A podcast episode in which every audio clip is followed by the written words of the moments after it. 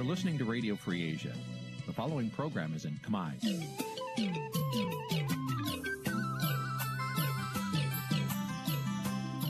Nǐ ជាកម្មវិធីផ្សាយ Vuthu Azizi Serai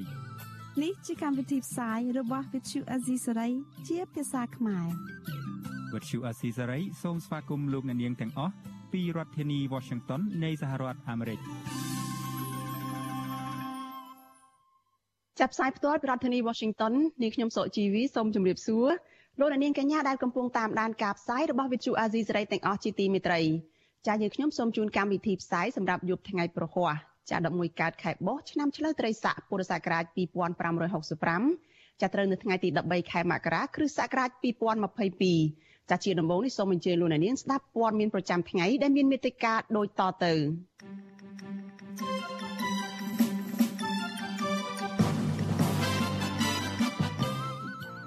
អង្គការ Human Rights Watch រកឃើញថាស្ថានភាពសិទ្ធិមនុស្សនៅកម្ពុជាបន្តធ្លាក់ចុះធ្ងន់ធ្ងរលោកសំរងស៊ីស្នើក្រុមហ៊ុនជប៉ុនឲ្យជួយបញ្ជាក់រឿងលោកហ៊ុនសែនផ្ដាល់សំណូកឲ្យនាងធីសវណ្ណថាតុលាការបន្តសវនកម្មសំណុំរឿងសកម្មជនគណៈបកប្រឆាំងក្នុងបទញុះញង់ សង្គមស៊ីវិលបន្តទាមទារឲ្យដោះលែងតំណាងសហជីពកម្មករនៅកាស៊ីណូ Nagavel 8នាក់រួមនឹងព័ត៌មានសំខាន់សំខាន់មួយចំនួនទៀត។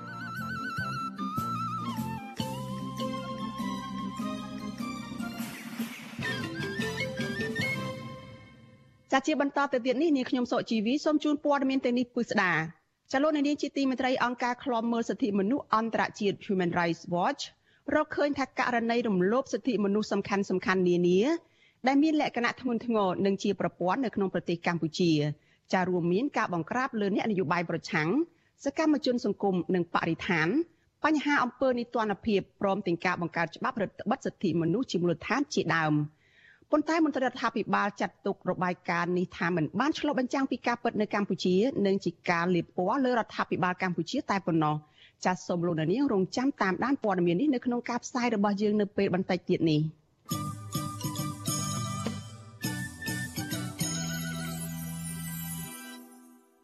ចាលោកនាងជាទីមេត្រីងាកមកព័ត៌មានតកតងនឹងរឿងក្តីក្តាំរបស់សកម្មជនគណៈបកប្រឆាំងនៅឯតុលាការឯនេះវិញចាស់សាលាដំបងរាជធានីភ្នំពេញបានបន្តបើកសវនកម្មរឿងក្តីសកម្មជនគណៈបកប្រជាបន្តទៀតនៅថ្ងៃទី13ខែមករានេះដោយបង្ហាញភ័ស្តុតាងជាវីដេអូឃ្លីបដែលបន្តពីសប្តាហ៍មុនចាប់ពាក់ព័ន្ធទៅនឹងការបង្ហោះសាររីគុណវិធានការទប់ស្កាត់ជំងឺ Covid-19 និងឯកសារបង្កើតចលនាសង្គ្រោះជាតិ ដែលមានទំនាក់ទំនងជាមួយនឹងមេដឹកនាំគណៈបកនេះកាលពីឆ្នាំ2018ចាស់សាច់ញាតិអ្នកជាប់ឃុំ នៅតែចាត់ទុកសវនកម្មនេះថាគឺជាការសម្ដែងល្ខោនលេងសើចដើម្បីកំទេចសម្លេងដែលមានមតិផ្ទុយពីរដ្ឋាភិបាលចាសសូមស្ដាប់សេចក្តីរាយការណ៍របស់អ្នកស្រីខែសុណងអំពីរឿងនេះសវនាការលើកទី8នេះមានជនជាប់ឃុំចំនួន13នាក់ប៉ុន្តែក្នុងនោះអវត្តមាន2នាក់គឺលោកហ៊ុនច្រាប់និងលោកថៃគុន្ធា ដោយសារមានបញ្ហាសុខភាព ពួកគាត់ទាំងពីរបានស្នើឲ្យអង្គការលីកាដូបញ្ជូនគ្រូពេទ្យចូលទៅព្យាបាលនៅក្នុងពន្ធនាគារព្រៃសរចំណែកសកម្មជនបកប្រឆាំង11នាក់ទៀតមានជាអាចលោកកៅថៃលោកសុនធុននិងលោកយឹមសារ៉េតជាដើមសមត្ថកិច្ចបានដឹកពួកគាត់តាមរថយន្តពីពន្ធនាគារព្រៃសរដើម្បីចូលរួមក្នុងសវនាការ ចៅក្រមជំនុំជម្រះតុលាការក្រុងភ្នំពេញលោករស់ពិសិដ្ឋបានចាក់វីដេអូឃ្លីបពាក់ព័ន្ធនឹងឯកសារពីការបង្កើតចលនាសង្គ្រោះជាតិរបស់ថ្នាក់ដឹកនាំគណៈបកប្រឆាំងនៅក្រៅប្រទេសកាលពីឆ្នាំ2018និងអង្គហេតុពាក់ព័ន្ធនឹងការបង្ហោះសារនៅក្នុងបណ្ដាញសង្គមអំពីការរាតត្បាតជំងឺ Covid-19 កាលពីឆ្នាំ2020 ប៉ុន្តែដោយសារតែភ័ស្តុតាងនៅមានច្រើនទៀតហើយពេលវេលាមានការកំណត់ដូច្នេះចៅក្រមរូបពិសិដ្ឋក៏បានបិទបញ្ចប់សវនាការនៅម៉ោង7:12ថ្ងៃត្រង់ហើយក្រុងនឹងបន្តសវនាការជាថ្មីទៀតនៅថ្ងៃទី20ខែមករាខាងមុខសវនាការនៅថ្ងៃប្រហ័សសប្តាហ៍ក្រោយនេះតុលាការក៏គ្រោងបង្ហាញភស្តុតាងជាវីដេអូឃ្លីបដែលនៅសេសសល់បន្តទៀតដែរមេធាវីការពារក្តីឲ្យសកម្មជនបកប្រឆាំងលោកសំសុគង្គយល់ថាភស្តុតាងជាវីដេអូឃ្លីប ដែលតុលាការបានបង្ហោះនោះมันមានទំនាក់ទំនងអ្វីជាមួយកូនក្តីរបស់លោកឡើយដូច្នេះมันអាចដាក់បន្ទុកលើពួកគាត់បាននោះទេ អ្នកខ្លះគាត់និយាយនៅថ្ងៃផ្សេងទៅអ្នកផ្សេងទៅទៅចឹងខ្ញុំគិតថាវាពិបាកនឹងគាត់សម្គាល់ថាផតតានឹងវាពាក់ព័ន្ធនឹងរឿងក្តីអត់តែទោះបីយ៉ាងណាក៏ដោយក៏ដោយសារវាជានីតិវិធីហើយតឡាការក៏កំពុងតែឧស្សាហនាការទៅទៅផតតាងដើម្បីស្វែងរកការពិតហើយយើងសង្ឃឹមថានៅពេលដែលតឡាការចាក់ផតតាងអីហើយអស់ចឹងហើយនឹងសរុបមកគឺតឡាការនឹងពិចារណានិងប្រតិធម៌ចំពោះពួកគាត់ជាពិសេសគឺពួកគាត់ស្នើសុំឲ្យមានការដោះលែងហើយពួកគាត់ឲ្យមានសេរីភាព សវនាការនេះមានការចូលរួមឃ្លាំមើលពីតំណាងទូតប្រទេសលោកសេរីជាច្រើននិងតំណាងអង្គការសហប្រជាជាតិទទួលបន្ទុកសិទ្ធិមនុស្សក្រុមអង្គការសង្គមស៊ីវិលនិងសាច់ញាតិរបស់ជនជាប់ចោតជាច្រើនអ្នកចំណែកនៅខាងក្រៅរបងតុលាការវិញអាជ្ញាធរបានពង្រាយកងសន្តិសុខជាច្រើនអ្នកស្របពេលដែលក្រុមគ្រួសាររបស់មន្ត្រីបកប្រឆាំងនិងអ្នកគាំទ្រជាង10នាក់បន្តរងចាំលើកទឹកចិត្តដល់ជនជាប់ចោតប៉ុន្តែមិនមានការប៉ះទង្គិចគ្នាដោយហិង្សានោះទេ ប្រពន្ធសកម្មជនគណៈបកសង្គ្រោះជាតិលោកយឹមសារ៉េតគឺលោកស្រីអុកចន្ទធីប្រាប់វិទ្យុអាស៊ីសេរីក្រោយចប់សវនាការថាភ័ស្តុតាងដែលតុលាការបង្ហាញនោះគឺជាការរៀបចំដើម្បីទម្លាក់កំហុសមកលើប្តីរបស់លោកស្រី និងសកម្មជនដទៃទៀតដោយអយុត្តិធម៌និងមិនអាចទទួលយកបានឡើយ លោកស្រីសំណុំពរឲ្យតុលាការអនុវត្តទូនីតិអព្យាក្រឹតដោយឈប់សម្ដែងល្ខោនលេងសើចតាមការចង្អុលបង្ហាញរបស់អ្នកនយោបាយបន្តទៀតខ្ញុំយល់ថាជាឆាកល្ខោនគាត់តុលាការគឺយកគាត់មកសប្តាហ៍មកសប្តាហ៍ដឹកទៅដឹកមកហើយគឺវិវាទពេលថាគុំមិនឲ្យពូជាប់ឃុំនឹងគឺនៅឃុំនឹងឲ្យបានយូរ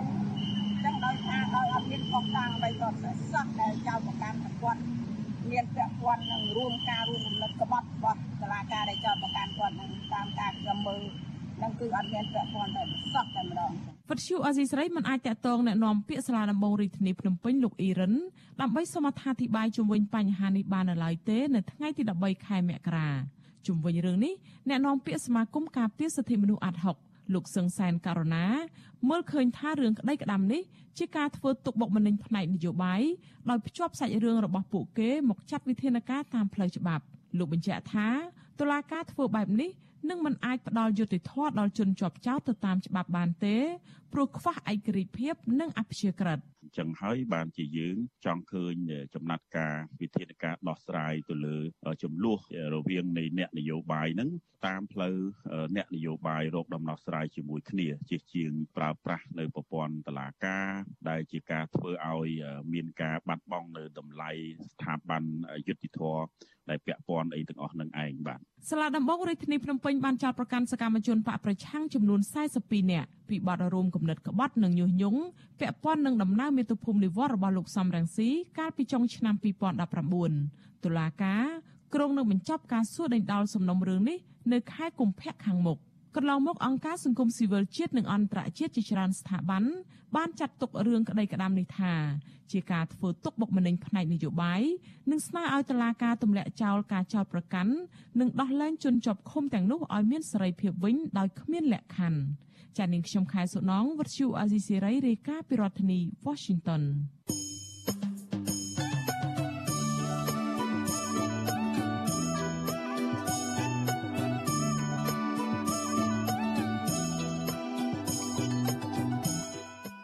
ចាលោកនាងកញ្ញាជាទីមេត្រីចាដំណើរគ្នានឹងការផ្សាយផ្ទាល់តាមបណ្ដាញសង្គម Facebook និង YouTube នេះចាលោកនាងក៏អាចស្ដាប់ការផ្សាយរបស់ Vithu Azizi សេរីចាតាមរយៈ Vithu រលកធាតុអាកាសខ្លី តាមកម្រិតនិងកម្ពស់ដូចតទៅនេះចាប់ពេលព្រឹកចាប់ពីម៉ោង5កន្លះដល់ម៉ោង6កន្លះតាមរយៈរលកធាតុអាកាសខ្លី9390 kHz ស្មើនឹងកម្ពស់ 32m និង11850 kHz ស្មើនឹងកម្ពស់ 25m ចាប់ពេលយប់ចាប់ពីម៉ោង7កន្លះដល់ម៉ោង8កន្លះតាមរយៈរលកធាតុអាកាសខ្លី9390 kHz ស្មើនឹងកម្ពស់ 32m និង15155 kHz ស្មើនឹងកម្ពស់ 20m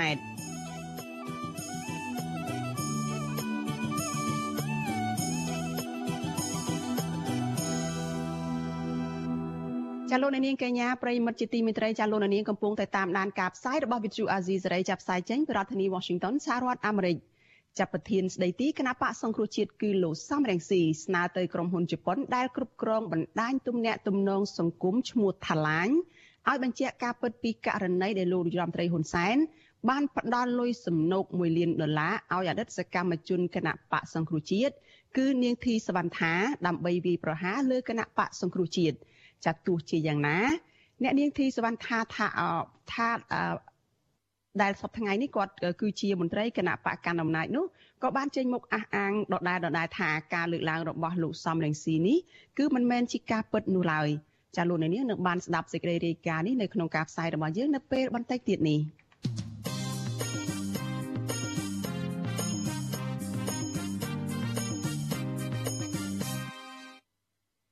ចាលោកនាងជាទីមេត្រីទៅមើលទំនាក់ទំនងការទូតរវាងកម្ពុជាមីយ៉ាន់ម៉ាឬភូមានិងអាស៊ានឯនេះវិញចាប់ប្រិសិទ្ធពិសេសរបស់អង្គការសហប្រជាជាតិទទួលបន្ទុកកិច្ចការមីយ៉ាន់ម៉ាឬក៏ភូមាគឺអ្នកស្រី Nolin Heiser រំលឹកលោកហ៊ុនសែនឲ្យដោះស្រាយវិបត្តិនៅភូមានោះឲ្យស្របទៅតាមឆន្ទៈនិងការចង់បានរបស់ប្រជាពលរដ្ឋនៃប្រទេសនេះចាត់ថ្លែងនៅក្នុងកិច្ចសន្ទនាតាមប្រព័ន្ធវីដេអូជាមួយនឹងប្រធានថ្មីបដូវវេនរបស់អាស៊ាន គឺលោកនាយរដ្ឋមន្ត្រីហ៊ុនសែននៅថ្ងៃទី13ខែមករានេះប្រសិទ្ធពិសេសរបស់អង្គការសហប្រជាជាតិទទួលបន្ទុកកិច្ចការភូមិគូបញ្ជាក់ថាដំណោះស្រាយចំពោះវិបត្តិនៅភូមិចាំបាច់ត្រូវតែកើតចេញពីកិច្ចពិគ្រោះយោបល់ដែលផ្ទាល់និងការស្ដាប់ដោយយកចិត្តទុកដាក់ចំពោះគ្រប់ភាគីដែលរងគ្រោះដោយសារតែវិបត្តិនេះអ្នកស្រីក៏បានសង្កត់ធ្ងន់អំពីសារៈសំខាន់នៃការធ្វើឲ្យប្រសើរឡើងនៃការអនុវត្តកិច្ចព្រមព្រៀងរួម5ចំណុចដែលអាស៊ានបានព្រមព្រៀងគ្នាកាលពីពេលកន្លងមក ក្នុងនោះក៏រួមមានការបញ្ឈប់ជាបន្ទាន់នៅអំពើហិង្សានិងការតម្រូវឲ្យគ្រប់ភាគីនៅក្នុងចំនួននៅភូមាត្រូវអត់ធ្មត់ជាទីបំផុតចាអ្នកស្រី Nolin Heiser ប្រាប់លោកហ៊ុនសែនថាដំណើរការដោះស្រាយបញ្ហាភូមិដែលធ្វើឡើងឲ្យស្របតាមឆន្ទៈរបស់ពលរដ្ឋភូមិគឺដើម្បីទទួលបាននូវសន្តិភាពប្រជាធិបតេយ្យនិងអនាគតដែលមានគ្រប់ភាគីពាក់ព័ន្ធចាំបាច់ត្រូវតែមានការគ្រប់គ្រងដោយវិធីសាស្ត្រដោះស្រាយជាអន្តរជាតិ ផ្អែកតាមស្មារតីនៃការឯកភាពគ្នានៅក្នុងតំបន់ចាលោកនាយករដ្ឋមន្ត្រីហ៊ុនសែនបានសរសេរនៅលើទំព័រ Facebook របស់លោកក្រោយជំនួបនោះដោយបញ្ជាក់ជាថ្មីទៀតថាគោលដៅសំខាន់របស់កម្ពុជាគឺចង់រកមធ្យោបាយដើម្បីបញ្ចប់ភាពហិង្សា និងបទឈប់បាញ់គ្នានៅភូមានិងធ្វើយ៉ាងណា ដើម្បីអាចផ្ដល់ជំនួយមនុស្សធម៌ទៅឲ្យប្រទេសនេះចាលោកហ៊ុនសែនថ្លែងការពីដំណើរទស្សនកិច្ចរបស់លោកថាអាស៊ាន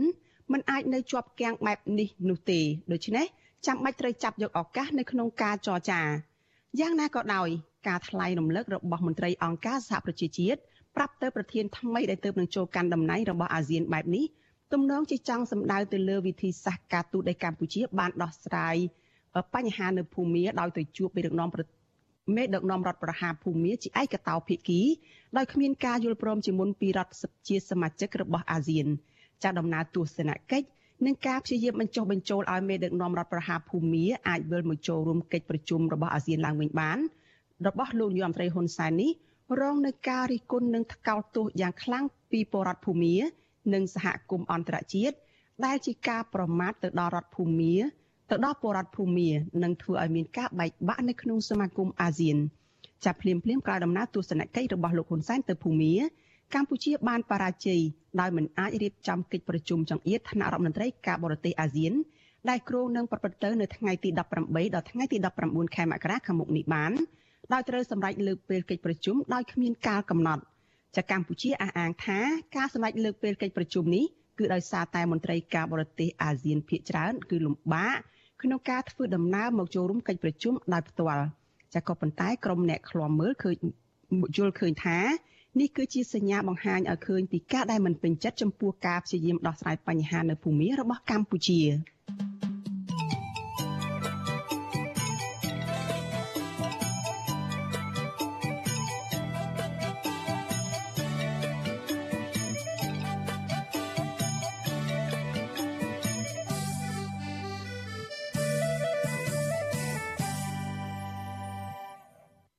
ចាលោកនាងជាទីមេត្រីតកតងនឹងបញ្ហាដែលកម្ពុជាដែលជាប្រធានបដូវវេនអាស៊ានបានលុបចោលកិច្ចប្រជុំថ្នាក់រដ្ឋមន្ត្រីការបរទេសអាស៊ានជាលើកដំបូងរបស់ខ្លួននៅក្នុងឆ្នាំ2022ដែលគ្រោងនឹងធ្វើនៅខេត្តសៀមរាបនៅថ្ងៃទី18ដល់ថ្ងៃទី19ខែមករានេះអ្នកវិភាគសង្ស័យថាការលុបចោលកិច្ចប្រជុំនេះអាចមកពីប្រទេសជាសមាជិកអាស៊ានកំពុងតែខ្វែងយោបល់គ្នាអំពីសកម្មភាពរបស់លោកនាយរដ្ឋមន្ត្រីហ៊ុនសែនទៅគាំទ្ររបបសឹកមីយ៉ាន់ម៉ាឬភូមា ចតើមូលហេតុអ្វីខ្លះនៅក្រៅពេលដែលមានកិច្ចប្រជុំនៅពីក្រោយដែលកិច្ចនៅពីក្រោយការលុបចោលកិច្ចប្រជុំថ្នាក់រដ្ឋមន្ត្រីការបរទេសអាស៊ាននេះចាសសូមលោកនាងរងចាំទស្សនាវេទិកានៃស្ដាប់វិទ្យុអាស៊ីសេរីដែលនឹងជជែកអំពីបញ្ហានេះនៅយប់ថ្ងៃសុក្រទី14ខែមករាស្អែកនេះកុំបីខានចាលោករនាងក៏អាចសួរវាគ្មិនរបស់យើងនៅក្នុងកម្មវិធីផ្សាយរបស់យើងនៅពេលនោះ ដោយដាក់លេខទូរស័ព្ទរបស់លោកអ្នកនាងនៅក្នុងខ្ទង់ comment របស់ Facebook ឬ YouTube Azizi Saray ដែលកំពុងផ្សាយផ្ទាល់នៅពេលនោះចាស់ក្រុមការងាររបស់វិទ្យុ Azizi Saray នឹងហៅទៅលោកអ្នកនាងវិញដើម្បីផ្ដល់ឱកាសឲ្យលោកអ្នកនាងបានសួរវាគ្មិនកិត្តិយសរបស់យើងឬក៏បញ្ចេញមតិយោបល់នៅក្នុងកម្មវិធីផ្សាយរបស់យើងនៅពេលនោះចាសសូមអរគុណ thank you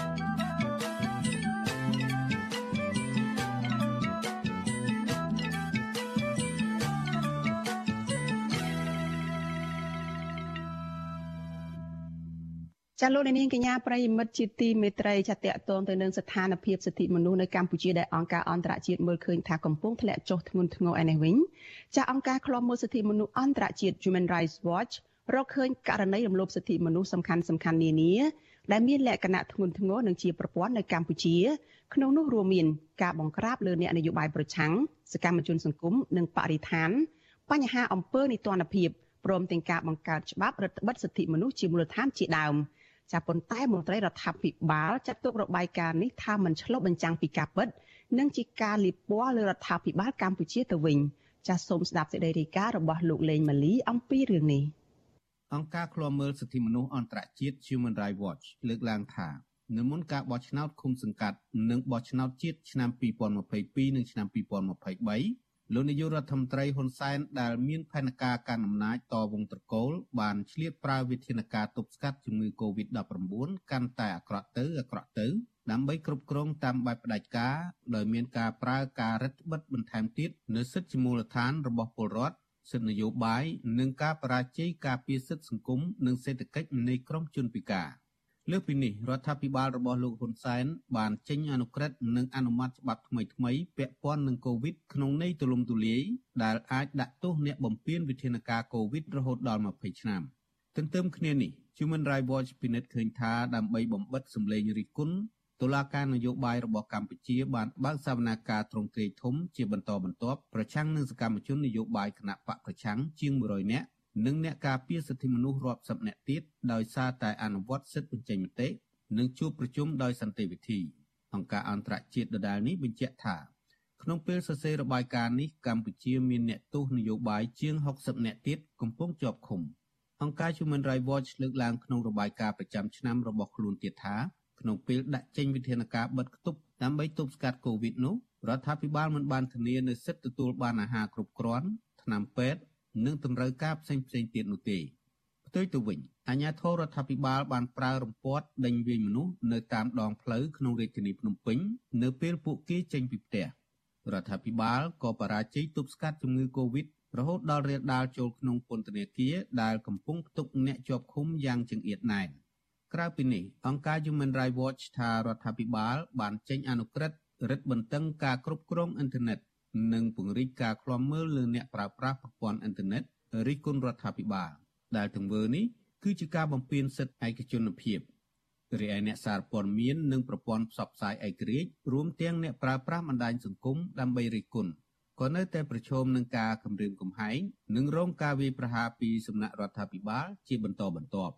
នាយករងនៃអង្គការឃ្លាំមើលសិទ្ធិមនុស្សអន្តរជាតិ Human Rights Watch ទទួលបន្ទុកកិច្ចការតំបន់អាស៊ី លោក Phil Robertson លើកឡើងថាលោកហ៊ុនសែនដូចមេដឹកនាំផ្ដាច់ការជាច្រើនទៀតដែរគឺបានប្រើប្រាស់ជំងឺ Covid-19 ដើម្បីរឹតបន្តឹងការគ្រប់គ្រងបែបគៀបសង្កត់របស់លោកប៉ុន្តែទោះបីជាលោកហ៊ុនសែនបានចាប់ខ្លួនមនុស្សតាមអំពើចិត្តនិងកាត់ក្តីលើអ្នកការពារសិទ្ធិមនុស្សនិងសកម្មជននយោបាយដ៏ច្រើនក្តីក៏រដ្ឋាភិបាលបរទេសនិងក្រុមប្រទេសដែលជាសមាជិកអង្គការសហប្រជាជាតិបានរក្សាភាពស្ងប់ស្ងាត់គួរឲ្យកត់សម្គាល់ ដោយមិនបានចាប់ឲ្យលោកហ៊ុនសែននិងមន្ត្រីរំលោភបំពានដទៃទៀតទទួលខុសត្រូវនោះទេរបាយការណ៍របស់ Human Rights Watch ក៏បានលើកឡើងនៅអំពើនីតិរដ្ឋភាពពាក់ព័ន្ធនឹងករណីឃាតកម្មអ្នកវិភាគនយោបាយដ៏លេចធ្លោគឺបណ្ឌិតកែមលីនិងករណីចាប់ពង្រត់សកម្មជននយោបាយថៃដ៏ល្បីឈ្មោះគឺលោកវ៉ាន់ឆលឹមសັດស័ក្តិសិទ្ធផងដែរ Human Rights Watch បញ្ជាក់ថាករណីទាំងពីរនេះរដ្ឋាភិបាលមិនទាន់ផ្ដល់យុត្តិធម៌និងមិនទាន់ស៊ើបអង្កេតដោយឯករាជ្យនិងតម្លាភាព ដើម្បីលាតត្រដាងការពិតនោះទេទោះបីជាមានភស្តុតាងនិងសក្ខីកម្មរបស់សាក្សីជាច្រើនក៏ដោយរបាយការណ៍ដដែលក៏បានបង្ហាញថារដ្ឋាភិបាលកម្ពុជា បានបន្តពង្រីកទំនាក់ទំនងជាមួយប្រទេសចិនកាន់តែខ្លាំងក្នុងពេលមានវិបត្តិកូវីដគណៈសហភាពអឺរ៉ុបដកប្រព័ន្ធអនុគ្រោះពាណិជ្ជកម្ម EBA ចំនួន20%ដោយសារតែការរំលោភបំពានសិទ្ធិមនុស្សនិងប្រជាធិបតេយ្យឆ្លើយតបនឹងករណីនេះ សមាជិកនិងអ្នកនាំពាក្យគណៈកម្មាធិការសិទ្ធិមនុស្សរបស់រដ្ឋាភិបាលលោកកតាអូនថ្លែងថាកម្ពុជាមានទំនាក់ទំនងល្អជាមួយចិនព្រោះចិនផ្ដល់ជំនួយច្រើនចំពោះសំណុំរឿងឃាតកម្មបណ្ឌិតកែមលីវិញលោកអះអាងថាបានបញ្ចប់រួចហើយដោយជនល្មើសកំពុងជាប់ឃុំអស់មួយជីវិតលោកកតាអូនបន្តថាសម្រាប់ការទប់ស្កាត់ជំងឺ Covid-19 វិញ រដ្ឋាភិបាលបានខិតខំរៀបចំច្បាប់និងដាក់ចេញវិធានការផ្សេងៗគឺដើម្បីការពារអាយុជីវិតប្រជាពលរដ្ឋដោយគ្មានចេតនាបំបិទសិទ្ធិជាមូលដ្ឋានរបស់ប្រជាពលរដ្ឋនោះទេលោកថាដោយសារតែការទប់ស្កាត់កូវីដនេះបានជោគជ័យរដ្ឋាភិបាលក៏ត្រៀមរៀបចំការបោះឆ្នោតស្របតាមគោលការណ៍ប្រជាធិបតេយ្យដែរគណៈគណៈបកនយោបាយនានាកំពុងធ្វើសកម្មភាពរៀងៗខ្លួនដោយសេរី លោកចាត់ទុករបាយការណ៍របស់អង្គការ Human Rights Watch ថាជាការបំភ្លឺនិងជាការលាបពណ៌លើរដ្ឋាភិបាលដោយអយុត្តិធម៌ យើងឃើញថាសកម្មជនបរិស្ថានក្តីសកម្មជនគណៈបកនយោបាយសកម្មជនអង្គការសង្គមស៊ីវិលមួយចំនួនតូចហ្នឹងគឺពួកគាត់បានប្រើប្រាស់សិទ្ធិសេរីភាពដ៏ខុសឆ្គងបានប្រើប្រាស់សិទ្ធិសេរីភាពដ៏ហួសព្រំដែនរំលោភបំពានច្បាប់ធ្វើឲ្យប៉ះពាល់ដល់កិត្តិយសនៃខាងក្នុងអ្នកដទៃធ្វើឲ្យខូចសំណាប់នាំសាធារណៈដូច្នេះចំអញ្ចឹងគឺទៅតែទទួលខុសត្រូវចំពោះច្បាប់ហើយអានឹងហើយយើងហៅថាគ្មាននិទានភាពទេហើយក៏គ្មានស្តង់ដារ2នៃការអនុវត្តច្បាប់ហើយក៏គ្មានស្តង់ដារ2នៃសំណួរដែរ ដូច្នេះបុគ្គលគ្រប់រូបដែលប្រព្រឹត្តខុសត្រូវទទួលខុសត្រូវចំពោះមុខច្បាប់ដូចគ្នាយើងអត់មានហេតុផលអ្វីទៅឲ្យក្រុមសកម្មជនទាំងនោះប្រព្រឹត្តខុសឲ្យរួចខ្លួនទេដោយការចង់បានរបស់ UN Rights Watch ឬមួយក៏របស់អង្គការផ្សេងៗទោះជាយ៉ាងណាក្តីនាយករងទទួលបន្ទុកផ្នែកឃ្លាំមើលសិទ្ធិមនុស្សនៃអង្គការ Liga do លោកអំសំអាតមានប្រសាសន៍ថាស្ថានភាពនយោបាយសិទ្ធិមនុស្សនិងប្រជាធិបតេយ្យនៅកម្ពុជាមិនទាន់ល្អប្រសើរនៅឡើយទេដូច្នេះហើយ ទើបក្រុមអង្គការជាតិនិងអន្តរជាតិបន្តរិះគន់បែបនេះការឆ្លុះបញ្ចាំងមកវិញយើងឃើញថាកន្លងមកជាប្រតិបត្តិលំហសេរីភាពជាមូលដ្ឋានរបស់ប្រជាពលរដ្ឋជាសេរីភាពរបស់អង្គការសង្គមស៊ីវិលសហ ជីពសហគមន៍សេរីភាពក្នុងការបញ្ចេញមតិសេរីភាពក្នុងការជួបជុំការប្រមូលផ្ដុំដោយសន្តិវិធីសេរីភាពចូលរួមក្នុងជីវភាពនយោបាយជាដើមគឺមានភាពរដ្ឋបတ်និងភាពប្រឈមច្រើនអញ្ចឹងហើយការឆ្លុះបញ្ចាំងមកវិញមើលឃើញថាស្ថានភាពសិទ្ធិមនុស្សនៅកម្ពុជានឹងនៅតែមានការធ្លាក់ចុះដែលមិនទាន់មានភាពល្អប្រសើរឡើងវិញទៅឡើយទេអញ្ចឹងបានយើងឃើញថាទាំងអង្គការសិទ្ធិមនុស្សជាតិអង្គការអន្តរជាតិក៏ដូចជាក្រុមប្រឹក្សា សិទ្ធិមនុស្សអង្គការសហជីវជាតិទាមទារឲ្យមានការកែលម្អឲ្យមានភាពល្អប្រសើរឲ្យសមស្របទៅតាមរដ្ឋធម្មនុញ្ញស្ថានភាពប្រជាធិបតេយ្យនិងសិទ្ធិមនុស្សបានធ្លាក់ចុះដុនដាបចាប់តាំងពីការរំលាយគណៈបកសង្គ្រោះជាតិឆ្នាំ2017មកនិងស្របពេលដែលលោកហ៊ុនសែនកំពុងត្រួសត្រាយផ្លូវដើម្បីផ្ទេរអំណាចដល់កូនប្រុសច្បងរបស់លោកគឺលោកហ៊ុនម៉ាណែត ប៉ុន្តែក្រុមអង្គការសង្គមស៊ីវិលជាតិនិងអន្តរជាតិនៅតែបន្តទាមទារឲ្យរដ្ឋាភិបាលលុបច្បាប់ដែលមានលក្ខណៈរដ្ឋបិទសិទ្ធិជាមូលដ្ឋានរបស់ប្រជាពលរដ្ឋបើកលំហសេរីភាពនិងប្រជាធិបតេយ្យព្រមទាំងដោះលែងសកម្មជនទាំងឡាយដែលកំពុងជាប់ឃុំដោយសារមូលហេតុនយោបាយឡើងវិញពួកគេលើកឡើងថាមានតែការធ្វើបែបនេះទេទើបអាចធ្វើឲ្យស្ថានភាពស្រុកទេសជៀសផុតពីទណ្ឌកម្មបន្ថែមទៀតពីសហគមន៍អន្តរជាតិ ខ្ញុំបាទលេងម៉ាលីវិទ្យុអស៊ីសេរីរាយការណ៍ពីរដ្ឋធានី Washington ចាលោកនាងកញ្ញាជាទីមេត្រីចាតកតនៅរឿងនេះចាក្រុមការងាររបស់វិទ្យុអាស៊ីសេរីបានភ្ជាប់ប្រព័ន្ធវីដេអូ Skype ចាទៅប្រធានអង្គការសម្ព័ន្ធភាពការពារសិទ្ធិមនុស្សកម្ពុជាហៅកាត់ថាច្រាក់គឺលោករស់សថា ចាដើម្បីឲ្យនេះខ្ញុំបានសម្ភាសជាមួយលោកបន្ថែមតកតងទៅនឹងរបាយការណ៍របស់អង្គការ Human Rights Watch តកតងនឹងស្ថានភាពសិទ្ធិមនុស្សនៅកម្ពុជានេះចាសូមជម្រាបសួរលោករស់ស្ថាពីចម្ងាយចាបាទសូមជម្រាបសួរបាទចាលោករស់ស្ថាតើលោកមានទស្សនៈយ៉ាងណា ចំពោះរបាយការណ៍របស់អង្គការ Human Rights Watch ដែលរកឃើញថាស្ថានភាពសិទ្ធិមនុស្សនៅកម្ពុជានៅតែមានការធ្លាក់ចុះនឹងចា៎ បាទខ្ញុំបាទមើលឃើញថាអ្វីដែលជារបាយការណ៍របស់ Human Rights Watch គឺជារបាយការណ៍មួយដែលអឺហាក់ប្រហែលជាមួយនឹងរបាយការណ៍របស់អង្គការសហប្រជាជាតិអឺផ្នែកខាងសិទ្ធិមនុស្សនិងរបាយការណ៍របស់អង្គការសង្គមស៊ីវិលផ្សេងៗទៀតបាទនេះគឺជាការបូកសរុបមួយអឺ ក្រោយពីសភាពនៃស្ថានភាពនយោបាយក៏ដូចជាសិទ្ធិមនុស្សនិងប្រជាធិបតេយ្យរបស់យើងកាន់តែមានភាពអាប់អួរដូចជាពិសេសនេះគឺថាក្រោយពីយើងឃើញ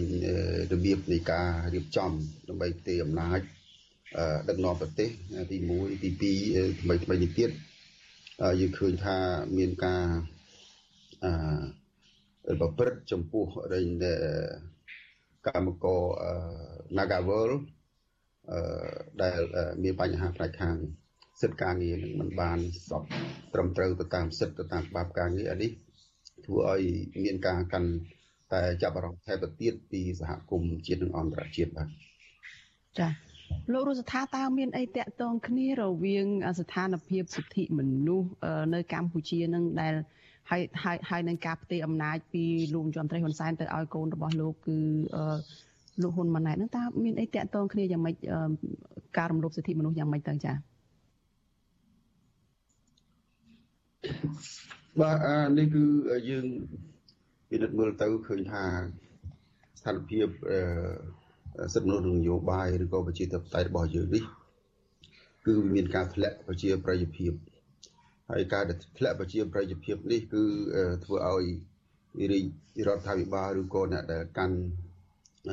បកនៃកាន់នៃអំណាចហ្នឹងគឺរិះរោបគ្រប់នយោបាយផ្សេងផ្សេងបាទដើម្បីធានានៅអំណាចរបស់ខ្លួនដើម្បីអឺកុំឲ្យមានបញ្ហាផលវិបាកផ្សេងផ្សេងផ្សេងទៅថ្ងៃមុខអឺរួមទាំងផ្នែកខាងការកាន់អំណាចនិងផ្នែកខាងវិបាកផ្នែកខាងច្បាប់ផងដែរបាទចា តកតងនឹងរបាយការណ៍របស់អង្គការ Human Rights Watch នេះដោយសេចក្តីរាយការណ៍របស់លោកលេងម៉ាលីបានលើកឡើងចឹងគឺមានការរឹតបន្តឹងស្ទើរតែគ្រប់ជ្រុងទាំងអស់ហើយអង្គើនីតិរដ្ឋភាពនឹងក៏នៅតែបន្តដូចជាករណីឃាតកម្មលើមេដឹកនាំសហជីពករណីឃាតកម្មលើបណ្ឌិតកែមលីអីជាដើមហ្នឹងគឺនៅតែមិនឃើញពន្លឺយុតិធធអីចឹងទេហើយចំពោះមន្ត្រីរដ្ឋាភិបាលវិញនៅក្នុងសេចក្តីរាយការណ៍ហ្នឹងក៏បានលើកឡើងដែរថា มันបានឆ្លុះបញ្ចាំងពីការពិតគឺនិយាយដដែលដដែលច្រើនលើកច្រើនសាររាប់ឆ្នាំមកហើយគឺនៅតែថាมันបានឆ្លុះបញ្ចាំងពីស្ថានភាពពិតនៅកម្ពុជាហើយក៏ជាការលេបពណ៌រដ្ឋាភិបាលអីទៅវិញទៅទៀតតើលោករស់សថាយល់ឃើញយ៉ាងម៉េចចំពោះការឆ្លើយតបរបស់មន្ត្រីរដ្ឋាភិបាលទៅនឹងរបាយការណ៍របស់ អង្គការ Human Rights Watch ដែលលោករស់សថាគិតថាមិនខុសពីរបាយការណ៍របស់អង្គការសហប្រជាជាតិហើយក៏មិនខុសគ្នានឹងអ្វីដែលអង្គការសិទ្ធិមនុស្សអន្តរជាតិធ្លាប់លើកឡើងសិទ្ធិមនុស្សនៅក្នុងស្រុកធ្លាប់លើកឡើងនឹងទេចា៎ខ្ញុំបាទវិលិតមើលក៏ដូចជាសង្កេតឃើញថាជាធម្មតាក្នុងរដ្ឋាភិបាលឬក៏អ្នកកាន់អំណាចក្នុងប្រទេសណាមួយតែតែមាន វិធីសាស្ត្រផ្សេងផ្សេងក្នុងការការពារនៅមុខមាត់ក៏ដូចជានយោបាយរបស់ខ្លួននេះជាស្ថានភាពធម្មតានៃនយោបាយក៏ប៉ុន្តែសម្រាប់ភាពពិតទស្សនវិជ្ជានៃការរីកចម្រើននៃការកែប្រែផ្លាស់ប្ដូរវិញគឺវាផ្ទុយទៅអ្វីដែលលោកមានប្រសាសន៍ដូចជាបានបកស្រង់ពាក្យមកបាញ់មិញហ្នឹងគឺថា ការដែលយើងមានការខ្វះខាតហើយខិតខិតខំកែប្រែនឹងការខ្វះខាតរបស់យើងទៅវិញទេដែលធ្វើឲ្យមហាជនមើលឃើញថាយើងជាមនុស្សទន់ភ្លន់ហើយយើងមានចិត្តក្នុងការកែលម្អនៃស្ថានភាពបើសិនជាយើងនៅតែនិយាយការពីគ្រប់បែបគ្រប់យ៉ាងគឺថាធ្វើឲ្យយើងគឺលែងទទួលការគ្រប់គ្រងទៅវិញទេហើយ សំខាន់ទៅទៀតគឺយើងបាត់ប្រជាប្រិយភាពក្នុងក្នុងនៃតាមប្រទេសរបស់យើងក៏ដូចជាអន្តរជាតិដែរហើយ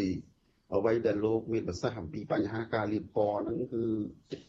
ភាសាហ្នឹងខ្ញុំបានឮជាហោហាយូរយាមកហើយតែប៉ុន្តែតាមពិតគឺថាស្ថានភាពវាមានពិតហើយខ្ញុំបានផ្ទាល់ឬក៏អង្គការសម្ព័ន្ធភាពការពារសិទ្ធិមនុស្សនិងសមាជិកក៏ដូចជា ប្រទេសអ្នកពាក់ព័ន្ធក៏ដូចជាប្រទេសហត្ថលេខីគឺបានមើលឃើញការពិតនឹងរួចអស់ទៅហើយស្ថានភាពនឹងគឺថាតម្រូវឲ្យមានការពិចារណាហើយមានការធ្វើការកែលម្អបាទចា៎ចំពោះលោករស់ស្ថាលោកមើលឃើញថាយ៉ាងម៉េចទៅអ្វីជាហេតុផលពិតប្រាកដដែលដោយលោកបានលើកឡើងអញ្ចឹងថា มันមានការកែប្រែมันមានការធ្វើឲ្យភាសានឹងតើ លោកបានលើកឡើងហើយថារដ្ឋាភិបាលមិនចំណេញទេគឺធ្វើឲ្យបាត់បង់ប្រជាប្រិយភាពបាត់បាត់បង់ការគ្រប់គ្រងពីប្រជាពលរដ្ឋពីសាធារណជនពីសហគមន៍អន្តរជាតិចឹងប៉ុន្តែហេតុអ្វីបានជាមិនឃើញការកែប្រែមានតែការឆ្លើយតបហើយយកតែរួចខ្លួនដូចនឹងមានការចោទប្រកាន់ត្រឡប់មកវិញទៅលើអ្នកដែលធ្វើរបាយការណ៍អ្នកដែលខត់ខំ ស្វែងរកឬក៏ការពារសិទ្ធិមនុស្សនឹងទៅវិញចា៎បញ្ហាវាមានបញ្ហាពីរដែលជារនាំងធ្វើឲ្យមានដំណំរបស់យើងគឺមិនអាចកែប្រែសភាពការនៅកម្ពុជាបានបញ្ហាទី1គឺ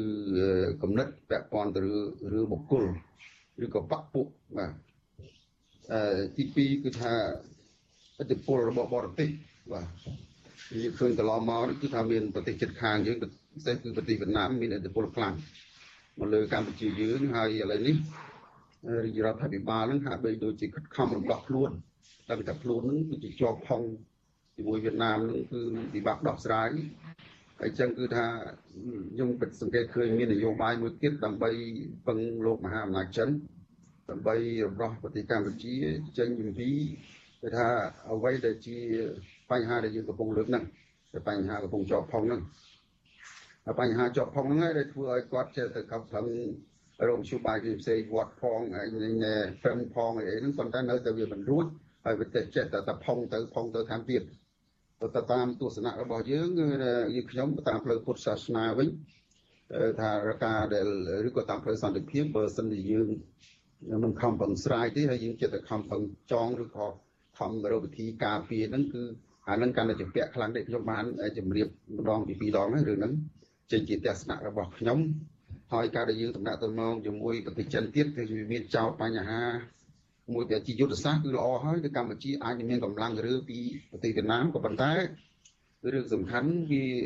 ធ្វើឲ្យប៉ះពាល់នៅកិច្ចព្រមព្រៀងសន្តិភាពក្រុងប៉ារីសទៀតដែលថាបានចុះហត្ថលេខាព្រមព្រៀងមិនឲ្យមានបរទេសណាដែលមានឥទ្ធិពលលើកម្ពុជាហើយរួមទាំងការដាក់កងទ័ពអីផងអីកម្លាំងអីផ្សេងៗ គឺគេធានាឲ្យមានគេថាឯករាជ្យភាពហើយអធិបតេយ្យភាពបូរណភាពដែនដីគឺមានន័យជាអចិន្ត្រៃយ៍មិនអាចរំលោភបានហើយចេះទេហើយដើម្បីឲ្យដោះស្រាយរឿងនឹងចេញគឺយើងមានតែអឺបុគ្គលម្នាក់ម្នាក់គឺខិតខំធ្វើយ៉ាងម៉េចស្ដារសេរីភាពរបស់ខ្លួនទេបាទបើសិនជាយើងមិនស្ដារសេរីភាពរបស់យើងទេគឺថាយើងនឹងចេះតែជាប់ផងរហូតតទៅហើយសេរីភាពនឹងគឺសំដៅលើការ លះបង់ណាលៀបសការៈឬក៏បពពួកនឹងឯងហើយយើងបែរមកគោរពសិទ្ធិប្រជាពលរដ្ឋគោរពប្រជាពលរដ្ឋគឺលទ្ធិប្រជាធិបតេយ្យនឹងឯងហើយគោរពច្បាប់ជាតិនិងអន្តរជាតិកិច្ចព្រមព្រៀងសន្តិភាពក្រុងប៉ារីសនិងរដ្ឋធម្មនុញ្ញហើយយើងធ្វើម៉េចអាសាប្រឹក្សាបង្កើតឲ្យមានការចូលរួមឲ្យគោរពសេរីភាពរបស់ប្រជាពលរដ្ឋហើយប្រជាពលរដ្ឋមានការចូលរួមយ៉ាងពេញលេញប្រកបដោយថា ការគោរពនិងការការពារឲ្យបានទូលំទូលាយហ្នឹងហើយការចូលរួមហ្នឹងគឺសំដៅទៅលើសិទ្ធិជាមូលដ្ឋានទាំងសិទ្ធិនយោបាយហ្នឹងហើយហើយបន្តទៀតនោះខ្ញុំជំរាបចឹងការកែប្រែវាភាសាជាងការការពារខ្លួនបាទចាលោករស់ថាលោកបានលើកឡើងមិញហ្នឹងថាម្នាក់ម្នាក់ហ្នឹងត្រូវតែខិតខំដោយខ្លួនឯងហ្នឹងបុគ្គលគ្រប់រូបហ្នឹងនាំគ្នា ធ្វើម៉េចចាក់ចេញពីការជាប់ជំពាក់ហ្នឹងតើម្នាក់ម្នាក់ហ្នឹងលោកសំដៅទៅអ្នកណាទៅមេដឹកនាំរបបបច្ចុប្បន្ននេះឬក៏សំដៅទៅដល់ប្រជាពលរដ្ឋឬក៏ភាគីណាខ្លះទៅចា៎ខ្ញុំខ្ញុំគិតថាអ្វីដែលខ្ញុំនិយាយលោកស្រីក៏ដូចជាមហាជនគឺអ្នកពាក់ព័ន្ធអាចយល់ហើយគឺសំដៅទៅលើមេដឹកនាំឬក៏អ្នកពាក់ព័ន្ធទាំងអស់ហ្នឹងហើយយើងឃើញថាយើងនឹងខិតខំ ទីអំណាចទីអីហ្នឹងគឺដើម្បីតែបញ្ហាពាក់ព័ន្ធអស់ទាំងហ្នឹងដែលយើងនាំគ្នាកសាងមកជាប់ជំពាក់ហ្នឹងឯងបាទរួមទាំងជាប់ជំពាក់ទៅដល់ក្រុមហ៊ុនគឺអ្នកឯកជនខាងអ្នកសេដ្ឋកិច្ចទៀតនោះអញ្ចឹងហើយគឺថាពិបាកណាស់កាលណាភ័យខ្លាចថាយើងអស់អត្តពលគ្រប់គ្រងទៅគឺយើងប៉ះពាល់ទាំងអស់ទាំងទាំងបកទាំងមន្ត្រីជាន់ខ្ពស់ទាំងដេញអឺ អីគេហៅថាគ្រួសារនឹងសម្ព័ន្ធរបស់ខ្លួនទៅក៏ប៉ុន្តែយើងកុំឲ្យគិតរឿងហ្នឹងសេរីភាពរបស់យើងគឺសំខាន់ណាស់គឺថាធ្វើម៉េចឲ្យយើងរស់មានសេចក្តីសុខមានសេរីភាពបាទហើយសេរីភាពហ្នឹងគឺមានតែយើងខិតខំរំដោះកុំឲ្យជាប់ជំពាក់រូបឬរូបរូបលៀបសការៈបើយើងនិយាយខ្លីណាផ្លូវធម៌ព្រះគេថារូបរូបសម្លេងក្លិនរសអីអីទ្រព្យសម្បត្តិអីទាំងអស់ហ្នឹងបាទហើយសិនតែយើងហើយបញ្ហាជាតិខ្ញុំចង់បញ្ជាក់ចេះបញ្ហាជាតិនេះគេ ប្រជាជនមានច្រើនហើយគេអាចដោះស្រាយឲ្យធានាដោយកិច្ចព្រមព្រៀងសន្តិភាពកុងប៉ារីសទៅទៀតដូច្នេះហើយគឺថាបុគ្គលដូចមានដឹកនាំមួយមួយមួយកុំឲ្យភ័យពេកបញ្ហាប្រទេសជាតិគឺមានកិច្ចព្រមព្រៀងសន្តិភាពក្រុងប៉ារីសបានធានានៅអ្វីអ្វីដែលកម្ពុជាមានហើយហើយប្រជាជនខ្មែរគឺថាអាចរកវិធីអភិវឌ្ឍកសាងប្រទេសខ្លួនបានហើយកុំឲ្យផិតផិតភ័យពេកឲ្យទុកឱកាសគេចូលរួមខ្លះទៅជាការល្អហើយ កុំឲ្យបន្ទុកនឹងវាធ្ងន់លើយើងពេកទេវាធ្ងន់ណាស់តែយើងរែកម្នាក់ឯងវាធ្ងន់ណាស់ទេណាអញ្ចឹងគឺថាឲ្យគេជួយរែកផងទៅខុសត្រូវអ្មិចគឺជាការទទួលខុសត្រូវទាំងអស់គ្នាកុំឲ្យយើងម្នាក់ម្នាក់ទទួលខុសត្រូវនឹងគឺថាទងន់នឹងបើល្អគឺវាល្អណាស់តែបើអាក្រក់វិញគឺវាសួរពូជវាវាវែងឆ្ងាយតតកូលទៅវាគេឈ្មោះអត់ល្អទេបាទអានឹងគឺថាខ្ញុំគ្រាន់ជាមានជាអនុសាសន៍អញ្ចឹងបាទជាដំណោះស្រាយมันមានដំណោះស្រាយណាក្រៅពីរឿងអស់ហ្នឹងទេបាទ ផ្លូវហ្នឹងទេចឹងបានខ្ញុំថ្ងៃនេះខ្ញុំនិយាយរៀងត្រង់តិចចុះហើយសង្ឃឹមថាឲ្យលោកនឹងយកសម្ដីខ្ញុំទៅគិតសំខាន់គឺថាយើងគិតអំពីនោះអនាគតរបស់យើងបច្ចអនាគតក្នុងបច្ចុប្បន្នអនាគតជាតិទៅវែងឆ្ងាយណាស់បើរាប់ជាពេលវេលាវិញអត់មានលេខរាប់ទេវែងឆ្ងាយដែលយើងត្រូវគិតគូរអំពីនឹងសុខភាពសេរីភាពរបស់យើងជារឿងសំខាន់បាទអញ្ចឹងបានប្រពុតជាម្ចាស់លោកលះបង់សំបីថា ទ្រព្យសម្បត្តិជាស្ដេចអាណាចស្ដេចចក្រពត្តិលោកមិនស្ដាយផងដោយសារហេតុផលអស់ហ្នឹងយើងពិនិត្យមើលទៅគ្រប់ជុំជ្រោយពីលិចពីលើចុះក្រោមពីក្រោមឡើងលើឆ្វេងស្ដាំមកអត់មានអីក្រៅអំពីសេរីភាពហ្នឹងទេអញ្ចឹងផ្លូវពុទ្ធសាសនានៃពុទ្ធដែលអង្គការសហប្រជាជាតិទទួលស្គាល់ជាវិគៀនប្រកបដោយសច្ចធម៌ហ្នឹងមានហេតុមានផលហ្នឹងដោយសារត្រង់ហ្នឹងដោយសារថាអឺពិតប្រកបគឺសេចក្តីសុខផ្នែកខាងសេរីភាពហ្នឹងឯង ដែលវាធំធេងជាងអ្វីអ្វីទាំងអស់បាទដែលមនុស្សគ្រប់រូបគួរតែយកចិត្តទុកដាក់ហើយដែលយើងមិនយកចិត្តទុកដាក់នេះធ្វើឲ្យយើងកាត់ទុកពីមួយថ្ងៃទៅមួយថ្ងៃអត់ចេះចប់ពីបច្ចុប្បន្នទៅបរលោកគឺថាយើងមានទុករហូតបាទរហូតដល់ស្លាប់ស្លាប់ហើយវិញ្ញាណយើងអត់មានស្រីសុខទៀតបាទចាលោករស់ថាលោកបានលើកឡើងថាកុំឲ្យភ័យកុំឲ្យប្រមូលការក្តាប់អំណាចការដឹកនាំការអ ភិវឌ្ឍប្រទេសអីនេះទៅតែមកក្រុមមេដឹកនាំឬក៏បពពួកខ្លួនតែមកក្រុមនឹងតទៅទៀតហើយត្រូវហើយកំភៃបារម្ភអីហើយងាកមកផ្ដល់ឱកាសឲ្យប្រជាពលរដ្ឋឲ្យអ្នកដតីឬក៏បពប្រឆាំងឬក៏អ្នកណាពាក់ព័ន្ធហ្នឹងអាចចូលរួមការងារអស់ទាំងនឹងផងទៅប៉ុន្តែមកដល់ពេលនេះខាងអង្គការ Human Rights Watch នឹងលើកឡើងឲ្យថា ការដែលបន្តរំលោភសិទ្ធិមនុស្សការដែលបន្តរដ្ឋបិទធ្វើឲ្យស្ថានភាពសិទ្ធិមនុស្សធ្លាក់ចុះធ្ងន់ធ្ងរនេះគឺជាការដែលធ្វើឡើងនៅមុនបន្តរហូតមកដល់ពេលនេះគឺនៅពេលរយៈពេលខ្លីណាស់សម្រាប់ការបោះឆ្នោតខាងមុខនៅក្នុងឆ្នាំ2022និងឆ្នាំ2023ដូច្នេះប្រកាសជាខាងថ្នាក់ដឹកនាំឬក៏អ្នកគ្រប់គ្រងអំណាចហ្នឹងគឺនៅតែមាន ការបារម្ភមានការភ័យខ្លាចហើយទើបបានជាការរំលោភសិទ្ធិមនុស្សនៅតែបន្តទៅទៀតដើម្បីឲ្យការក្តោបក្តាប់អំណាចនឹងស្ថិតស្ថេរតទៅទៀត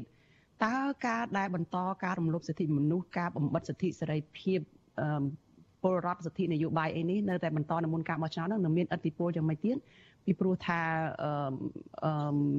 ការបោះឆ្នោតហ្នឹងក៏ខិតជិតមកដល់ហើយការដែលរំលោភសិទ្ធិមនុស្សការដែលរដ្ឋបិទហ្នឹងគឺនៅតែបន្តហើយជាពិសេសហ្នឹងគឺការ ប៉ុនប៉ងផ្ទៃអំណាចទៅពីឪពុកទៅកូនអីហ្នឹងនៅតែបន្តនៅឡើយហ្នឹងចា៎បាទអានឹងដូចខ្ញុំជំរាបជូនហ្នឹងបញ្ហាជាប់ផុកហ្នឹងឯងគឺធ្វើឲ្យយើងចេះទៅរកវិធីការពារហើយឥឡូវនេះយើងឃើញថាអឺផែនការរបស់គណៈបកកណ្ដាលអំណាចហ្នឹងគឺបានដើរជាជំហានជាជំហានហើយហើយខ្ញុំមើលទៅដូចដល់ផ្នែកខាងការរៀបចំបេក្ខភាពនាយករដ្ឋមន្ត្រីក៏ បានរៀបចំបានហើយហើយនៅសល់តែលទ្ធផលនៃការបោះឆ្នោតមួយទៀតតើលទ្ធផលនោះបានទៅគណៈគណៈបកណាឬបានទៅគណៈបកកណ្ដាលឬក៏បានទៅគណៈបកផ្សេងក៏ប៉ុន្តែប្រសិនជាយើងពិនិត្យមើលយន្តការបោះឆ្នោតយើងឃើញហើយបានជាអង្គការសង្គមស៊ីវិលបានចេញនៅសេចក្តីថ្លែងការណ៍បទដ្ឋានអាគេថាអប បមាគឺតិចបំផុតចំនួន6ចំណុចដែលចាំបាច់ដើម្បីធានាការបោះឆ្នោតសេរីនិងយុត្តិធម៌នៅក្នុងប្រទេសកម្ពុជានេះបាទរួមទាំងគេហៅថាឯករាជ្យភាពនៃតុលាការនិងនៃកងកម្លាំងកម្លាំងប្រដាប់អាវុធផងដែរហើយយើងឃើញថាជាកត្តាទូអង្គគឺថាអ្នកកាន់ប្រធានបោះឆ្នោតធាននៃគណៈកម្មការជាតិរៀបចំការបោះឆ្នោតហ្នឹងក៏ មានគេថាប្រវត្តិនយោបាយក្នុងគណៈបកនៃការអំណាចម្ល៉េះហើយ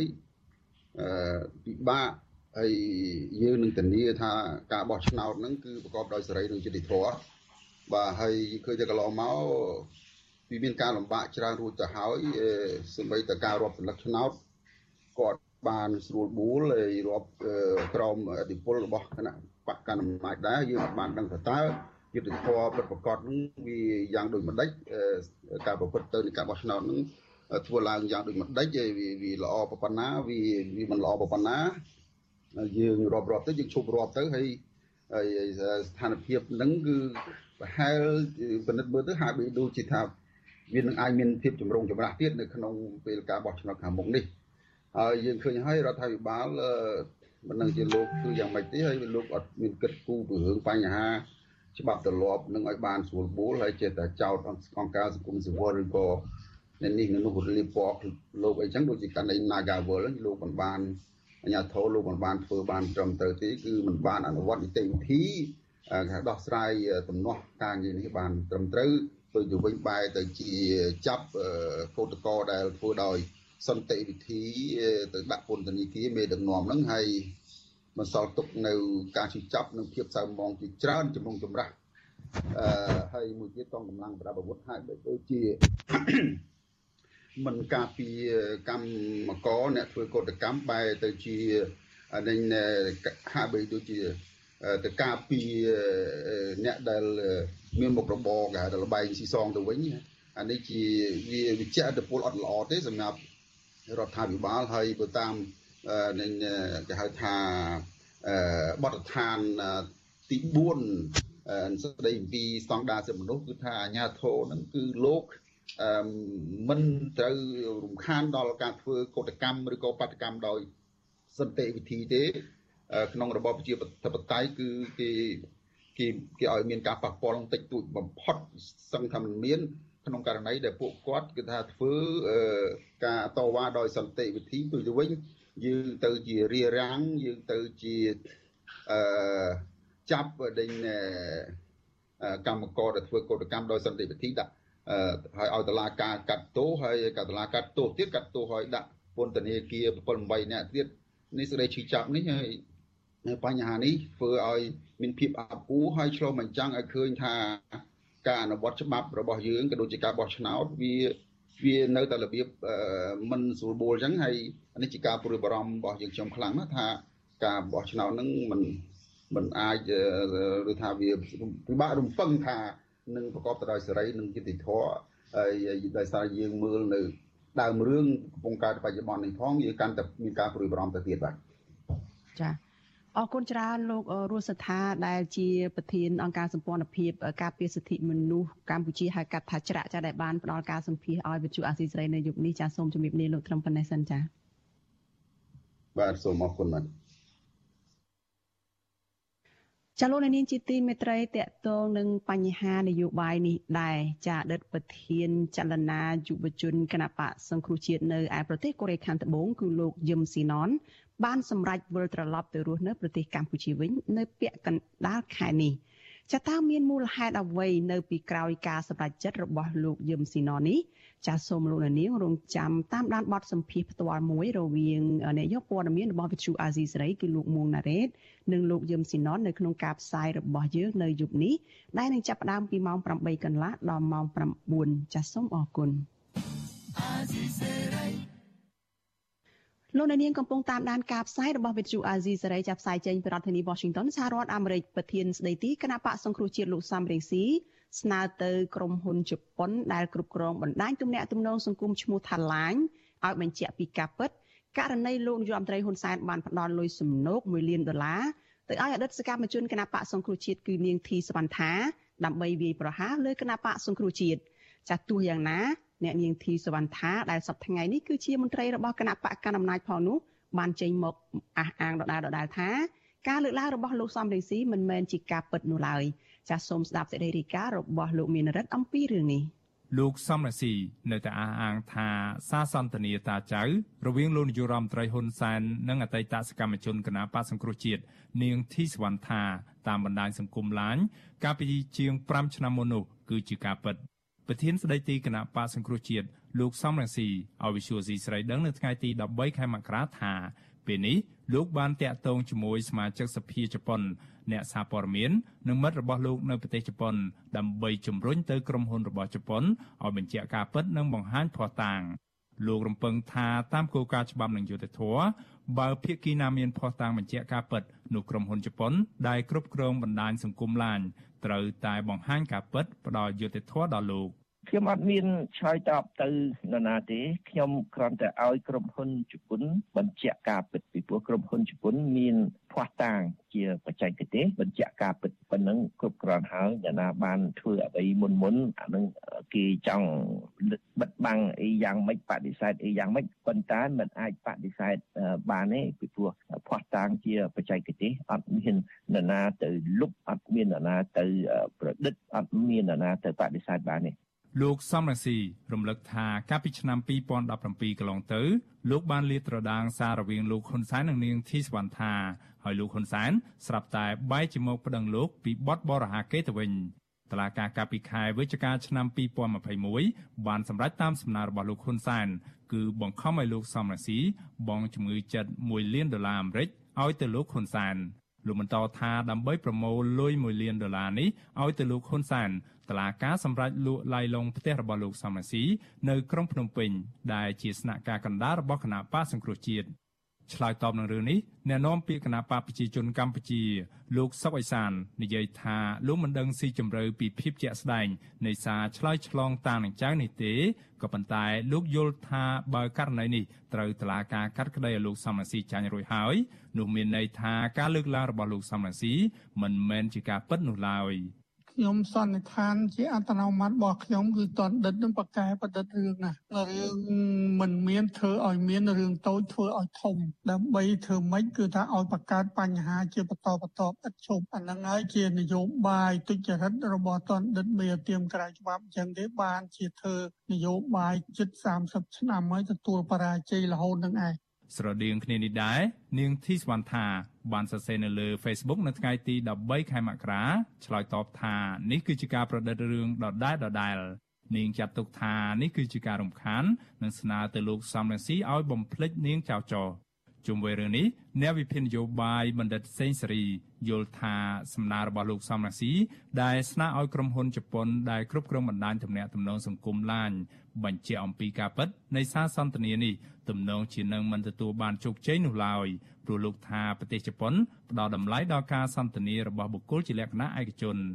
លោកបន្តថាការដែលលោកសំរាស៊ីឆ្កឹះកកាយរឿងចាស់នេះឡើងវិញអាចជាទម្លាប់របស់លោកសំរាស៊ីដើម្បីរំលឹករឿងចាស់ឆ្លើយឆ្លងជាមួយលោកហ៊ុនសែន ហាក់ដូចជាពេលខ្លះខ្ញុំមើលទៅហាក់ដូចជាអ្នកនយោបាយជើងចាស់ពីររូបនេះហាក់ដូចជានឹកគ្នាដែរបើសិនពួកអត់មានដៃគូលេងទេមានតែពីរនាក់ហ្នឹងឯងក្រៅពីហ្នឹងមានកលោទៀបកលោនយោបាយទៀបដែលដែលមិនចូលចិត្តលេងហើយឃើញពីរនាក់ហ្នឹងលេងសំសំគ្នាណាបាទអញ្ចឹងហើយជាហាក់ពេលខ្លះហាក់ដូចជានឹកគ្នាហើយជាព្យាយាមរករឿងចាស់រឿងអីតាមទម្លាប់មនុស្សចាស់ហ្នឹងយកមកចាក់ប្រអាប់គ្នាអញ្ចឹងណាមកចាក់គ្នាលោតឲ្យខឹងអញ្ចឹងណាបាទ កាលពីឆ្នាំ2017មានសារបែកធ្លាយនៃការឆ្លើយឆ្លងគ្នាតាមបណ្ដាញសង្គមឡាញដែលបានហៅគ្នាទៅវិញទៅមកថាតានឹងចៅ នៅលើទំព័រ Facebook របស់នាងធីសវណ្ណថាក៏ប៉ុន្តែភ្លាមៗនោះសារនោះត្រូវបានគេលុបចោលវិញយ៉ាងលឿនលោកសំរាស៊ីបានចោទប្រកាន់ថាតាគឺជាលោកហ៊ុនសែនចំណែកចៅគឺនាងធីសវណ្ណថា សារដដែលនោះឲ្យដឹងថាលោកហ៊ុនសែនបានផ្ដល់លុយទៅឲ្យនាងធីសវណ្ណថាដើម្បីវាយប្រហារបង្កបញ្ហាដល់គណៈបកសង្គ្រោះជាតិនិងបាតកម្មជាដើម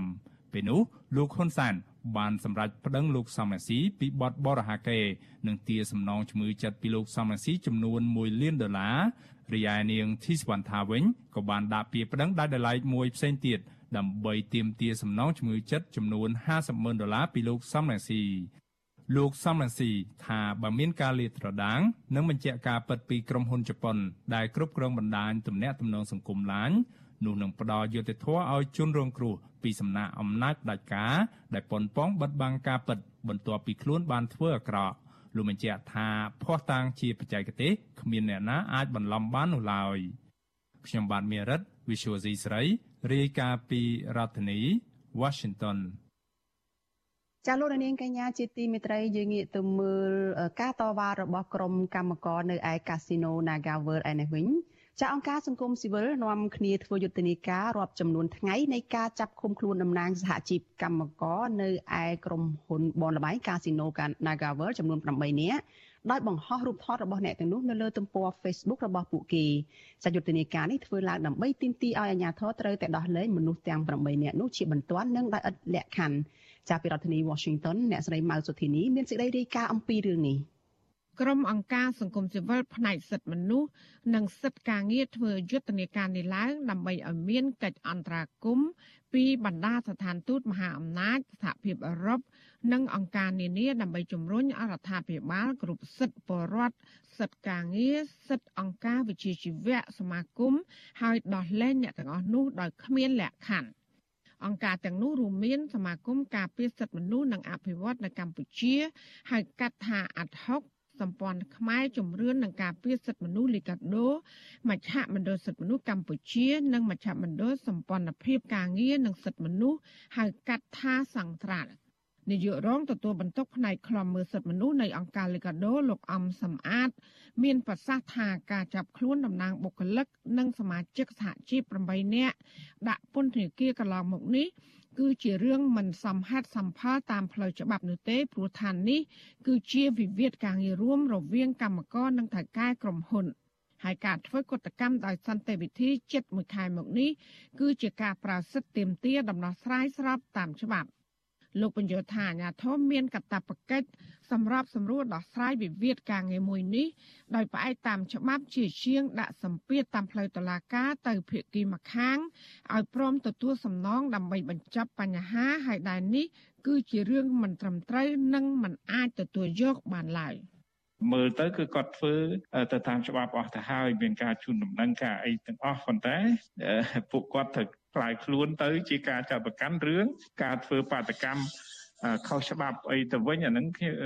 អង្គការសង្គមស៊ីវិលមើលឃើញថាវាជាការបំពានទៅលើសិទ្ធិរបស់ពួកគាត់ហើយហេតុផលក្នុងការចាប់និងការឃុំខ្លួននេះវាជាការគម្រាមកំហែងបំផិតបំភ័យហើយនឹងបន្តិចបន្តដាក់បំបាក់ស្មារតីកុំឲ្យធ្វើកោតកម្មបន្តទៀតតែប៉ុណ្ណោះបាទ គិតមកដល់ពេលនេះថ្នាក់ដឹកនាំនិងសមាជិកសហជីពនៃកម្មករ Nagawal 8នាក់កំពុងជាប់ឃុំក្នុងពន្ធនាគារប្រៃសណអស់14ថ្ងៃហើយក្រោយដែលតឡាការក្រុងភ្នំពេញបានចាត់ប្រកាន់ពួកគេពីបទញុះញង់បង្កឲ្យមានភាពវឹកវរធ្ងន់ធ្ងរដល់សន្តិសុខសង្គម អ្នកគ្រប់គ្រងកម្មវិធីសិទ្ធិការងារនៃមជ្ឈមណ្ឌលសម្ព័ន្ធភាពសិទ្ធិមនុស្សនិងការងារហៅកាត់ថាអង្គការសង្ត្រាលោកខុនតារ៉ូឲ្យដឹងថាតំណាងសហជីព8នាក់គឺទទួលបានការការពារផ្លូវច្បាប់ពីក្រមមេធាវីរបស់អង្គការសង្គមស៊ីវិលរួចរាល់ហើយក្រោយដែលពួកគេបានស្នើសុំសេវាផ្នែកច្បាប់នេះមុនការចាប់ខ្លួនលោកបន្តថាក្រមមេធាវីកំពុងពិភាក្សាគ្នា ហើយសុំសិទ្ធិសម្រាប់ពីអ្នកទាំងនោះ ដើម្បីដាក់ពាក្យស្នើសុំនៅក្រៅឃុំបណ្ដោះអាសន្នក្នុងដំណាក់កាលចៅក្រមស៊ើបសួរនៃសាលាដំបងរាជធានីភ្នំពេញ លោកយល់ថាវិវាទការងារនៅក្រុមហ៊ុន Nagavel មិនគួរអូសបន្លាយរហូតដល់ចាប់ខ្លួនតំណាងសហជីពដាក់ពន្ធនាគារបែបនេះទេប៉ះសិនបើក្រសួងការងារនិងក្រុមហ៊ុន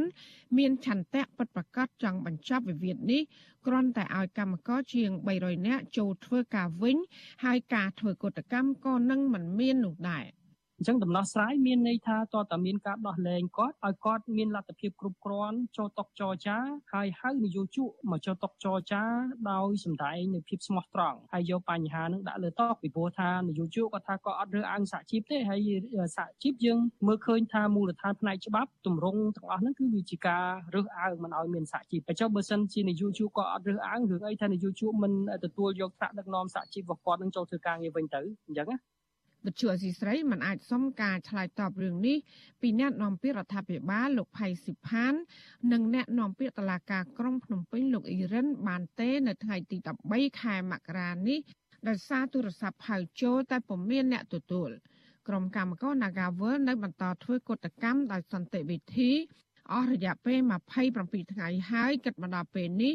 ដើម្បីឲ្យមានការដោះលែងតំណាងពួកគាត់ត្រឡប់មកវិញ ហើយក្រុមហ៊ុនត្រូវទទួលយកកម្មករជាង300នាក់ឲ្យចូលធ្វើការវិញ។ ឧត្តមស្នងការអង្គការសហប្រជាជាតិទទួលបន្ទុកសិទ្ធិមនុស្សប្រចាំកម្ពុជាឲ្យដឹងនៅលើទំព័រ Facebook ថាស្ថាប័នកម្ពុជាផ្នែកសិទ្ធិមនុស្សមួយនេះនៅតែបន្តតាមដានទីតាំងធ្វើកុតកម្មនិងដំណើរការផ្លូវច្បាប់ប្រឆាំងគុតកោនិងអ្នកដឹកនាំសហជីពដែលត្រូវបានចោទប្រកាន់9នាក់ដោយក្នុងនោះ គឺ8នាក់កំពុងស្ថិតក្នុងការឃុំខ្លួនបណ្ដោះអាសន្នដែលចំណាត់ការទាំងនេះផ្ទុយទៅនឹងវិធាននិងបទដ្ឋានស្តង់ដារសិទ្ធិមនុស្សអន្តរជាតិស្ថាប័នអន្តរជាតិផ្នែកសិទ្ធិមនុស្សមួយនេះស្នើឲ្យអាជ្ញាធរយកចិត្តទុកដាក់ចំពោះកាតព្វកិច្ចជាអន្តរជាតិនិងកាតព្វកិច្ចនានាដែលមានចែងក្នុងរដ្ឋធម្មនុញ្ញរបស់កម្ពុជា រួមមានទាំងច្បាប់ការងារផង ព្រោះកម្ពុជាបានផ្ដល់សេចក្ដីបានលើសិទ្ធិសញ្ញាមួយចំនួន ដែលធានាសិទ្ធិជាមូលដ្ឋាន ក្នុងការបង្កើតសមាគមការប្រមូលផ្ដុំ និងសេរីភាពបញ្ចេញមតិអង្គការសង្គមស៊ីវិលដែលឃ្លាំមើលវិវាទការងារនេះលើកឡើងថាអាញាធរត្រូវតែដោះលែងតំណាងសហជីព8នាក់ឲ្យមានសេរីភាពឡើងវិញហើយក្រសួងការងារបន្តដោះស្រាយវិវាទនេះដោយឈលលើគោលការណ៍ច្បាប់ និងភាពស្មោះត្រង់ ទៅវិវាទការងាររវាងកម្មករនយោជិតជាមួយក្រុមហ៊ុន Nagavel អាចបញ្ចប់ទៅបានចាននាងខ្ញុំម៉ៃសុធានីវិទ្យុអាស៊ីសេរីប្រធានាធិបតី Washington ចាលោកនាងកញ្ញាប្រិមិត្តជាទីមេត្រីចាកម្ពុជាដែលជាប្រធានបដូវវេនអាស៊ានបានលុបចោលកិច្ចប្រជុំថ្នាក់រដ្ឋមន្ត្រីការបរទេសអាស៊ានជាលើកដំបូងរបស់ខ្លួននៅក្នុងឆ្នាំ2022ដែលគ្រោងថានឹងធ្វើនៅឯខេត្តសៀមរាបនៅថ្ងៃទី18ដល់ថ្ងៃទី19ខែមករានេះ ចាអ្នកវិភាគសង្ស័យថាការលុបចោលកិច្ចប្រជុំនេះអាចមកពីប្រទេសជាសមាជិកអាស៊ាន កំពុងតែខ្វែងយោបល់គ្នាអំពីសកម្មភាពរបស់លោកយមត្រីហ៊ុនសែនទៅគ្រប់គ្រងរបបសឹកភូមាចតើមូលហេតុអ្វីខ្លះដែលនៅពីក្រោយការលុបចោលកិច្ចប្រជុំថ្នាក់រដ្ឋមន្ត្រីការបរទេសអាស៊ាននេះចាសសូមលោកនាងរងចាំតាមដានវេទិកាអ្នកស្ដាប់វិទ្យុអាស៊ីសេរីដែលនឹងជជែកអំពីបញ្ហានេះនៅយប់ថ្ងៃសុក្រទី14ខែមករាស្អែកនេះកុំបីខាន ចាលោកនាងអាចសួរវាគ្មិនរបស់យើងឬក៏បញ្ចេញមតិយោបល់បានដោយដាក់លេខទូរស័ព្ទរបស់លោកអ្នកនាងនៅក្នុងខ្ទង់ comment របស់ Facebook និង YouTube អាស៊ីសេរីដែលកំពុងផ្សាយផ្ទាល់នៅទីនោះចាក់នៅពេលនោះចាក់ក្រុមការងាររបស់វិទ្យុអាស៊ីសេរីនឹងហៅទៅលោកអ្នកនាងវិញដើម្បីផ្ដល់ឱកាសឲ្យលោកអ្នកនាងអាចសួរវាគ្មិនកិត្តិយសរបស់យើងឬក៏បញ្ចេញមតិយោបល់បានចាសសូមអរគុណ thank you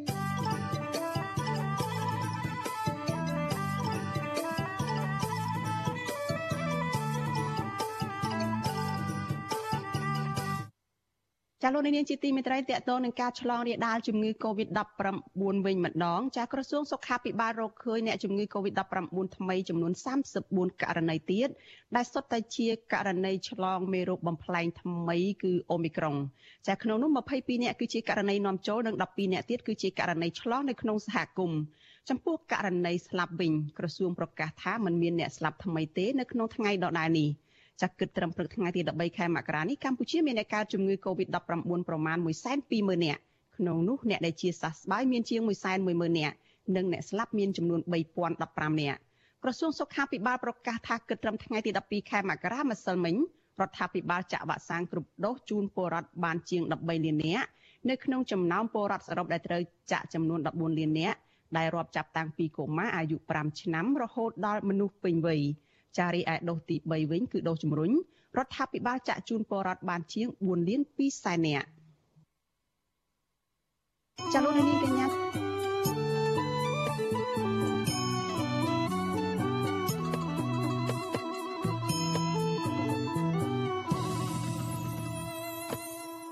ចាលោកនាងកញ្ញាប្រិមិត្តជាទីមេត្រីចាចំពោះលោកនាងដែលកំពុងតែតាមដានការផ្សាយរបស់វិទ្យុអាស៊ីសេរីចាតាមរយៈវិទ្យុរលកធាតុអាកាសខ្លីចាលោកនាងមិនឮការផ្សាយរបស់យើងទេចានេះខ្ញុំសូមជម្រាបលាលោកអ្នកត្រឹមតែប៉ុណ្ណេះប៉ុន្តែចំពោះលោកនាងដែលកំពុងតែតាមដានការផ្សាយរបស់យើងនៅលើបណ្ដាញសង្គម Facebook និង YouTube ចាសូមបន្តតាមដានការផ្សាយរបស់យើងតទៅទៀត ចាកម្មវិធីជាបន្តទៅទៀតនេះចាអ្នកយកព័ត៌មានរបស់វិទ្យុអាស៊ីសេរីគឺលោកមួងណារ៉េតនឹងចូលខ្លួនមកសម្របសម្រួលកិច្ចសម្ភាសមួយ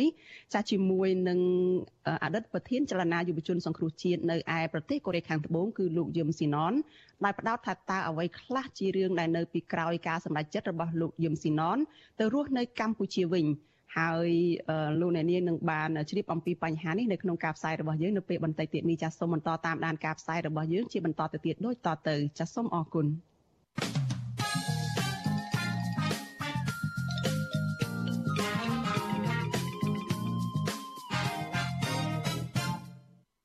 បាទផ្សាយផ្ទាល់ពីរដ្ឋធានី Washington សហរដ្ឋអាមេរិកខ្ញុំបាទមួងណារ៉េតសូមជម្រាបសួរលោកអ្នកនាងអ្នកស្ដាប់និងទស្សនាការផ្សាយរបស់វិទ្យុអាស៊ីសេរីទាំងអស់ជាទីមេត្រីថ្ងៃនេះគឺជាថ្ងៃពហុទី13ខែមករាហើយកម្មវិធី